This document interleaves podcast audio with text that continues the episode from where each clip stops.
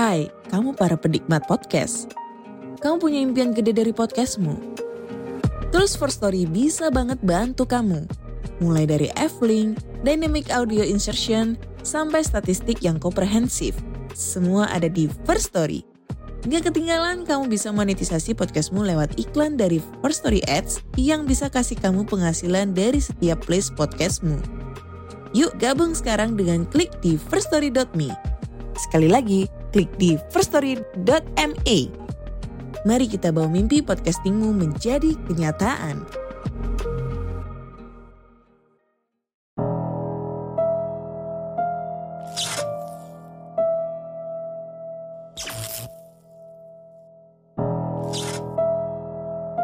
Assalamualaikum warahmatullahi wabarakatuh. Apa kabar nih teman-teman? Pada kesempatan kali ini aku akan menceritakan pengalaman horor yang dialami oleh sekelompok pendaki Gunung Semeru. Kisah ini dialami oleh Egi dan David ketika mendaki ke gunung tersebut. Jadi di pendakiannya ke Gunung Semeru itu, Egi dan satu temannya ini sempat terpisah dari rombongannya.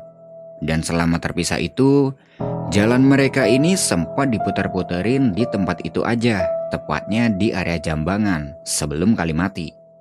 Nah, karena udah capek dan udah malam juga, akhirnya Egi dan satu temannya itu memutuskan untuk bermalam di tempat itu aja. Tapi ternyata tempat yang dia pakai untuk ngecamp itu adalah untuk cerita lebih lengkapnya silahkan simak video ini sampai selesai.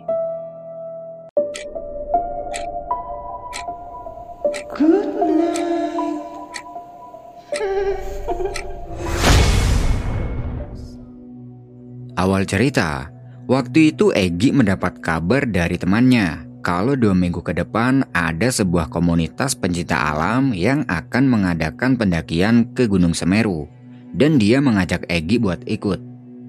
Sebut saja temannya Egi itu adalah Rian. Egi mau aja karena ini kebetulan banget. Jadi sebenarnya Egi ini udah lama pengen ke Semeru, tapi nggak ada waktu yang tepat. Egi dan Rian ini belum begitu akrab. Mereka beda kota, dan mereka pernah ketemu itu cuma sekali. Itu pun ketemunya pas di gunung. Egi ngikut aja sama Rian, karena Rian yang lebih tahu tentang infonya. Sambil menunggu kabar selanjutnya dari Rian, dia mempersiapkan fisik mulai sekarang. Dan akhirnya, Rian memberi kabar kalau dia dan Egi udah didaftarin buat ikut. Singkat cerita, dua hari sebelum hari keberangkatan ke Gunung Semeru itu tiba-tiba Rian memberi kabar kalau dia nggak jadi berangkat dengan alasan yang mendesak. Egi agak sedikit kecewa nih, karena waktu itu dia udah nyiapin semuanya, mulai dari fisik, alat, dan segala macam. Rian minta maaf banget dan dia minta sama Egi buat ikut aja. Dia ngasih kontak admin yang ngadain pendakian itu. Egi mikir-mikir dulu dong, dan akhirnya dia mutusin untuk tetap ikut. Selain karena udah nyiapin perlengkapan, dia juga pengen banget mendaki ke Gunung Semeru. Lagian, dia juga nggak sendiri, dan ini kesempatan dia bisa kenal dengan orang-orang baru buat nama-nama temen. Oke lah, Keputusan Egi udah bulat untuk tetap ikut. Dia menghubungi kontak admin yang dikasih Rian tadi. Sebut saja, nama adminnya itu adalah Mas Eros. Mas Eros bilang ke Egi, untuk siapa aja yang mau ikut mendaki nanti, semuanya ketemu di Pasar Tumpang. Setelah itu mereka akan bareng-bareng menuju ke pos pendakian. Singkat cerita, Egi berangkat nih menuju ke Pasar Tumpang. Dan sesampai di sana ternyata udah banyak banget pendaki dari berbagai daerah. Egi menyapa mereka, kemudian kenalan. Dan di situ juga ketemu sama Mas Eros, salah satu pendaki yang udah senior. Setelah semuanya udah berkumpul, mereka bergerak menuju ke pos pendakian Gunung Semeru. Dan sesampai di sana, Mas Eros mengurus perizinan untuk semua pendaki. Setelah itu, Mas Eros membriefing mereka semua tentang jalur dan medan yang akan ditempuh. Dan rencana pendakian ini akan memakan waktu lima hari, biar bisa santai. Mereka berniat mendaki siang ini juga, dan akan bermalam di Danau Ranukumbolo. Jadi waktu itu ada banyak banget yang akan mendaki. Kira-kira ada 20 orang dan Egi nggak sempat kenalan sama mereka satu persatu. Tapi ada satu pendaki yang cukup akrab sama Egi. Sebut aja dia adalah David dari Jombang, Jawa Timur. Dan waktu itu dia juga berangkat sendiri. Setelah briefing selesai, semua pendaki mengecek perbekalan masing-masing. Setelah itu Mas Eros membagi rombongan jadi dua grup.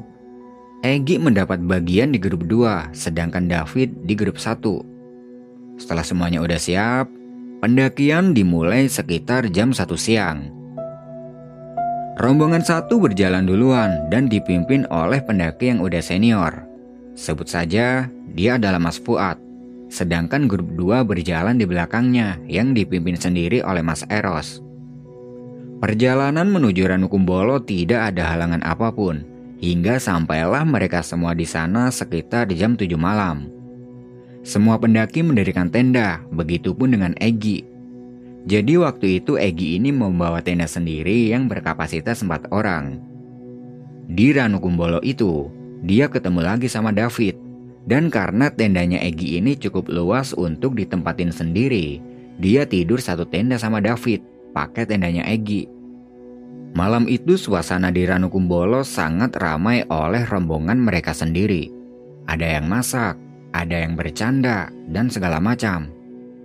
Di sela-sela keramaian, Egi dan David saling ngobrol gitulah, menceritakan pengalaman mendakinya masing-masing, biar lebih akrab. Nah, di sela-sela obrolan, pandangan Egi tertuju ke salah satu pendaki cewek yang kelihatannya serem banget. Ceweknya itu diem aja, gak bergerak sama sekali. Dia duduk dengan posisi kakinya membentuk W gitu. Kepalanya sedikit miring ke kiri, dan rambutnya ini terurai panjang. Dia sedang melihat ke arah mereka berdua. Egi ngasih tahu ke David. Mas, itu cewek kok serem banget ya? Yang mana? Itu yang duduk di samping tenda. Eh, iya ya. Rombongan sini juga ya? Gak tahu. Tapi tadi di guru dua, perasaan gak ada cewek itu. Mereka nggak begitu ingat sama semua anggota karena cukup banyak. Lagian, di rombongan itu juga banyak ceweknya. Akhirnya, sama mereka dibiarin aja dan lanjut ngobrol-ngobrol lagi. Sesekali, Egi ngelirik ke cewek itu. Karena posisi duduknya Egi ini kebetulan menghadap ke sana. Dan cewek itu masih di posisi yang sama sambil terus melihat ke arah mereka. Mas David, itu cewek masih ngeliatin kita loh. Udah mas, biarin aja, jangan diliatin. Ntar dikiranya kita nggak sopan. Satu persatu pendaki pada masuk ke dalam tenda buat tidur. Egi dan David juga mau tidur. Dan sebelum masuk tenda, Egi nyempetin ngeliat cewek tadi. Dan dia masih di posisi yang sama. Dari sini, sebenarnya Egi sudah berpikir ke mana-mana. Apa jangan-jangan itu cewek hantu lagi? Pikirnya. Mereka berdua kemudian tidur dan besoknya, beberapa pendaki udah bangun duluan. Ada yang foto-foto di dekat danau, ada yang berjemur karena kedinginan, dan segala macam. Egi nyalain kompor buat bikin kopi. Dan pagi itu, Mas Eros memberi pengumuman ke semua pendaki kalau mereka nanti akan lanjut jalan lagi sore. Jadi hari ini akan dihabiskan waktunya untuk menikmati keindahan danau Ranukumbolo. Nah, setelah selesai memberi pengumuman itu, Egi celingukan.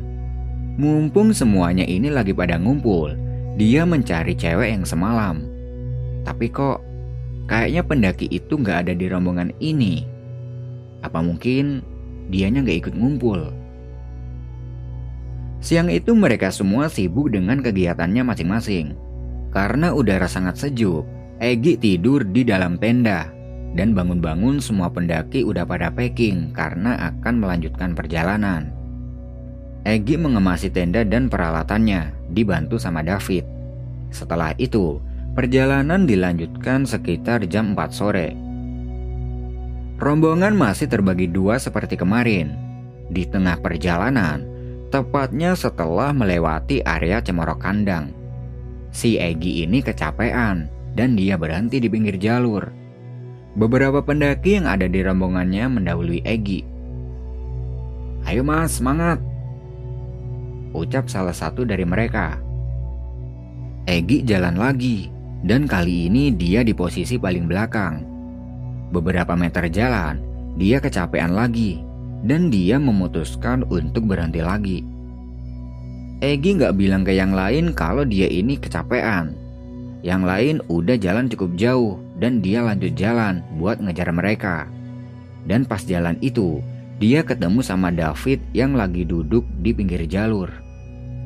Wah, kebetulan banget nih ada Mas David. Batinnya. Egi menghampiri David. Loh mas, kok duduk di sini? Iya mas, capek. Yang lain jalan cepet banget. Sampean kok ketinggalan? Iya mas, aku juga capek banget. Makanya tadi istirahat dulu. Ya udah santai aja kalau gitu. Kita jalan pelan-pelan aja. Egi dan David duduk di pinggir jalur buat istirahat. Dan sambil istirahat itu, mereka menyalakan rokok masing-masing. Tidak terasa, hari udah mulai gelap di situ mereka membicarakan tentang jalur yang sedang dilewati ini, yang ternyata medannya berat juga. Setelah rokok sudah habis, mereka ngambil penerangan dan melanjutkan perjalanan. Rombongan mereka udah nggak kelihatan, entah udah sampai di mana. Egi dan David berjalan santai, dan setelah cukup lama berjalan, mereka menjumpai pelang yang tertulis area Jambangan. Sampai di sini, mereka masih belum ketemu sama rombongannya, tapi mereka tenang-tenang aja. Di area jambangan itu, mereka berhenti sebentar, dan samar-samar dari depan puncak Mahameru udah kelihatan. Setelah itu mereka lanjut jalan lagi dengan harapan segera sampai di Kalimati. Kali ini mereka jalannya sedikit cepat agar bisa menyusul rombongannya, tapi nggak juga ketemu. Setelah lama berjalan, mereka menjumpai pelang yang tadi, dan posisi berjalan mereka ini ternyata dari arah balik. Jadi, mereka balik lagi ke tempat itu. Loh, Mas, kok kita balik ke sini? Kapan kita putar baliknya? Perasaan dari tadi kita jalannya lurus-lurus aja. Waduh, iya ya.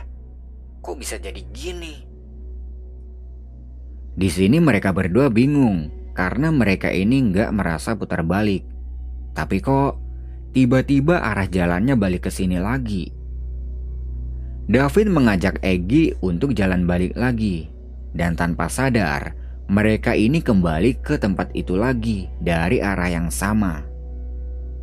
Ini udah kedua kalinya mereka kembali ke tempat ini dan mereka benar-benar nggak tahu apa yang sudah terjadi. David memberi saran untuk berhenti dulu, siapa tahu ada pendaki lain yang lewat agar bisa bareng. Tapi setelah cukup lama berhenti, mereka tidak menjumpai satu pendaki pun. Ya udah mas, ayo coba jalan lagi. Siapa tahu tadi kita ini emang muter balik dan gak ngerasa. Ajak David. Mereka berdua jalan balik lagi ke arah Kalimati. Dan kali ini mereka benar-benar memperhatikan jalan yang sedang dilewati. Di perjalanannya itu, mereka merasa ada yang aneh, karena sepertinya jalan yang dilewati ini gak asing. Tidak lama kemudian, di depan mereka melihat ada banyak tenda pendaki yang sedang ngecamp. Egi dan David merasa lega karena mereka mengira di depan itu adalah area Kalimati. Mereka mempercepat jalan untuk menuju ke sana, dan sesampai di sana, ternyata ini adalah tempat yang tadi, yaitu area Jambangan. Tapi kali ini di area itu banyak banget pendaki yang sedang ngecamp. Loh, Mas, ini kan tempat yang tadi lagi. Iya Mas, ini udah gak beres nih. Masa kita balik lagi ke tempat ini? Ini udah ketiga kalinya loh. Terus kita gimana nih? Tenang dulu mas, mending kita lanjut besok aja. Sekarang kita camp di sini, mumpung lagi ada banyak pendaki. Egi setuju dengan usul David dan mereka ikut ngecamp di sini. Tenda milik David didirikan di antara tenda-tenda pendaki yang ada di situ. Ketika mereka sedang mendirikan tenda, Egi memperhatikan pendaki yang ada di sini, dan mereka semua tampak aneh. Dari cukup banyaknya pendaki yang ada di sini, gak ada satupun yang terdengar bicara. Mereka beraktivitas seperti pendaki pada umumnya. Ada yang masak, ada yang jalan mondar-mandir, dan ada juga yang hanya berdiam diri di depan tenda. Jadi meskipun di sini banyak pendaki, tapi suasananya sangat sunyi. Setelah tenda sudah selesai didirikan, mereka berdua mengambil kompor untuk bikin cemilan, sekalian membuat kopi. Egi masih memperhatikan semua pendaki yang ada di sini, dan mereka semua ini sama seperti tadi. Setelah kopi sudah jadi, David menawari satu pendaki yang ada di dekat mereka. Mas, monggo kopi. Pendaki itu tidak menjawab iya atau enggak, cuman melihat ke arah mereka aja. Lalu, Egi membuka omongan pada David. Mas, orang-orang yang ada di sini kok aneh ya? Aneh kenapa mas? Gak ada yang ngomong loh dari tadi. Iya sih, aku juga mikir gitu dari tadi. Udahlah biarin, kita tidur aja. Besok pagi-pagi kita lanjut jalan lagi. Kopi yang masih sisa diletakkan di pinggir tenda dan mereka masuk ke dalam tenda untuk tidur. Sebelum tidur, mereka meletakkan bendera grup di atas tenda dengan tujuan nanti kalau Mas Eros nyariin biar dia tahu kalau mereka sedang camp di sini. Si David sudah tertidur lelap, tapi tidak dengan Egi. Entah kenapa, malam itu Egi tidak bisa tidur. Terlihat, jam tangan sudah menunjukkan pukul satu dini hari, dan suara aktivitas pendaki yang ada di luar itu masih terdengar. Sepertinya mereka pada belum tidur. Egi ingat dengan kopinya yang belum habis tadi, dan karena belum bisa tidur, dia keluar ke teras tenda untuk mengisap sebatang rokok dan menghabiskan kopinya. Sambil ngopi itu, dia memperhatikan pendaki yang ada di sini. Dan mereka ini masih beraktivitas sama seperti tadi. Gak ada yang ngomong, ada yang masak, mondar-mandir, dan segala macam. Egi berpikir, ini orang-orang kok pada aneh gini kenapa ya? Rombongan dari mana sih mereka ini? Lalu, pandangan Egi tertuju ke satu pendaki cewek yang sedang duduk di dekat tenda. Ingat dengan pendaki cewek yang dilihat Egi di Ranu Kumbolo semalam gak? Nah, itu. Gak salah lagi. Itu adalah pendaki cewek yang semalam. Cewek itu memperhatikan Egi terus. Jadi, dia ini pakai sweater hitam lengan panjang dan posisi duduknya pun sama persis seperti semalam.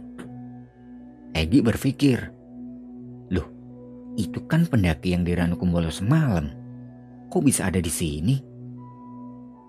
Pertanyaannya, itu cewek dari rombongan siapa? Kalau dari rombongannya Egi jelas bukan, soalnya sekarang dia ada di sini. Dan di Ranu Kumbul semalam itu nggak ada rombongan lain selain rombongannya Egi. Cewek itu terus melihat ke arah Egi, dan lama-lama Egi merasa takut. Dia matiin rokoknya dan masuk ke dalam tenda. Di dalam tenda, dia berpikir ke mana-mana. Selain semua pendaki di sini kelihatan aneh, kok bisa cewek yang tadi itu ada di sini? Dia mengabaikan semua itu, kemudian tidur. Besoknya, sekitar jam 6 dia bangun dan melihat David sedang goreng-goreng sesuatu di depan tenda. Eh, udah bangun mas? Monggo ngopi dulu. Ucap David. Egi keluar dari tenda dan minum kopi yang udah dibikin sama David. Di luar tenda itu, Egi kaget bukan main. Karena tempat ini sepi banget. Rombongan pendaki yang semalam itu udah gak ada. Loh, mas, rombongannya semalam apa udah lanjut jalan? Gak tahu, aku bangun udah sepi kayak gini kondisinya. Egi mikirnya, mungkin rombongan yang semalam itu udah lanjut jalan, entah lanjut naik apa lanjut turun. Egi pergi ke semak-semak buat pipis. Dan setelah selesai pipis, dia memperhatikan keadaan sekitar. Kok aneh ya? Perasaan semalam ramai banget loh pendaki di sini, tapi kok nggak ada bekasnya sama sekali. Kalau semalam banyak pendaki, harusnya kan ada bekas sampah atau bekas apa gitulah. Tapi ini kok bersih, gak ada bekasnya orang ngecamp. Dia lanjut bantuin David bikin mie instan dan menanyakan kejanggalan yang dia rasakan. Ternyata David juga berpikiran sama dengan Egi. Sejak bangun tadi, dia juga udah mikir kayak gitu. Egi juga bilang kalau semalam dia melihat cewek yang ada di Ranu Kumbolo itu ada di sini. Dan di situ mereka berdua ini tiba-tiba merinding. Sambil masak, mereka membahas soal itu dan ini benar-benar aneh. Tidak lama kemudian, dari atas ada Mas Fuad dan Mas Eros datang. Lah, ini dia anaknya. Ngapain kalian camp di sini? Iya mas, semalam kita jalannya ketinggalan, makanya kita camp dulu di sini. Mas Eros dan Mas Fuad ikut gabung sama mereka, sekalian nungguin mereka masak.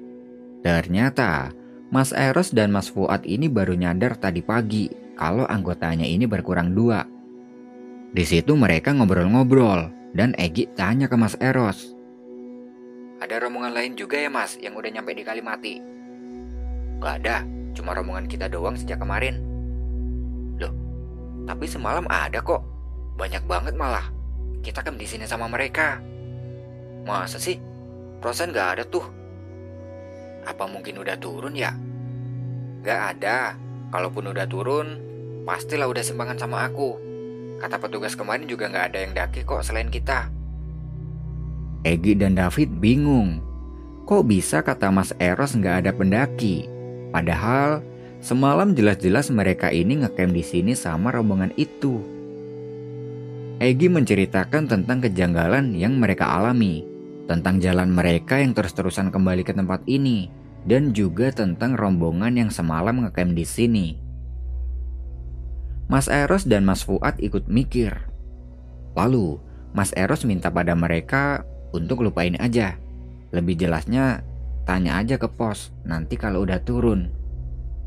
Setelah makan mie instan, mereka mengemasi tendanya, kemudian lanjut jalan menuju ke Kalimati. Nah, kalau menurut Mas Eros nggak ada rombongan lain selain rombongan mereka, terus rombongan yang semalam itu siapa? Menurut Mas Eros, apa yang dilihat Egi dan David itu mungkin sesuatu yang bersifat gaib. Dan dia minta pada mereka buat lupain aja. Yang penting, sekarang jangan sampai terpencar dengan rombongan. Dan kalau capek mending bilang aja, jangan malu-malu. Singkat cerita, sampailah mereka di Kalimati Hari itu mereka full istirahat karena nanti malam perjalanan akan dilanjutkan menuju ke puncak Mahameru.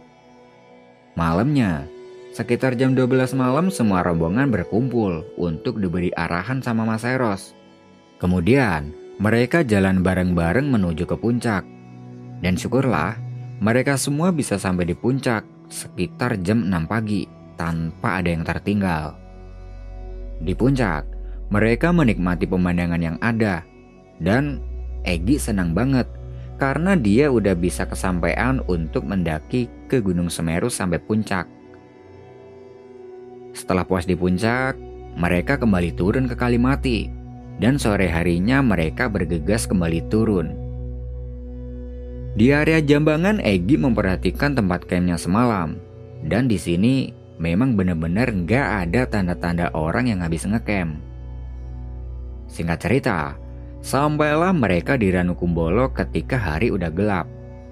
Di situ mereka bermalam dulu, dan di Ranukumbolo malam itu ada beberapa pendaki lain yang juga sedang ngecamp. Keesokan harinya, mereka kembali turun. Di perjalanan turun itu sudah tidak ada kendala apa pun hingga sampailah mereka kembali di pos pendakian. Di pos, Mas Eros tanya ke petugas apakah ada rombongan pendaki lain yang kemarin naik selain rombongan mereka? Kata petugas ada, tapi cuman beberapa aja dan gak sebanyak yang mereka maksud. Berarti benar apa kata Mas Eros. Kalau yang dilihat Egi dan David semalam itu adalah gaib, mungkin rombongan itu adalah penghuni tempat itu. Akhirnya ya udahlah, udah kejadian juga. Dan yang terpenting sekarang mereka bisa turun dengan selamat. Egi bertukar nomor dengan David buat jalin silaturahmi. Di pos pendaftaran itu, Mas Eros mengucapkan terima kasih pada semua pendaki yang udah ikut serta dan Semoga di lain waktu bisa mendaki bareng lagi. Nah, itu tadi adalah pengalaman horor yang dialami oleh Egi dan David ketika melakukan pendakian ke Gunung Semeru. Aku pamit undur diri dulu ya. Good night and see you next time.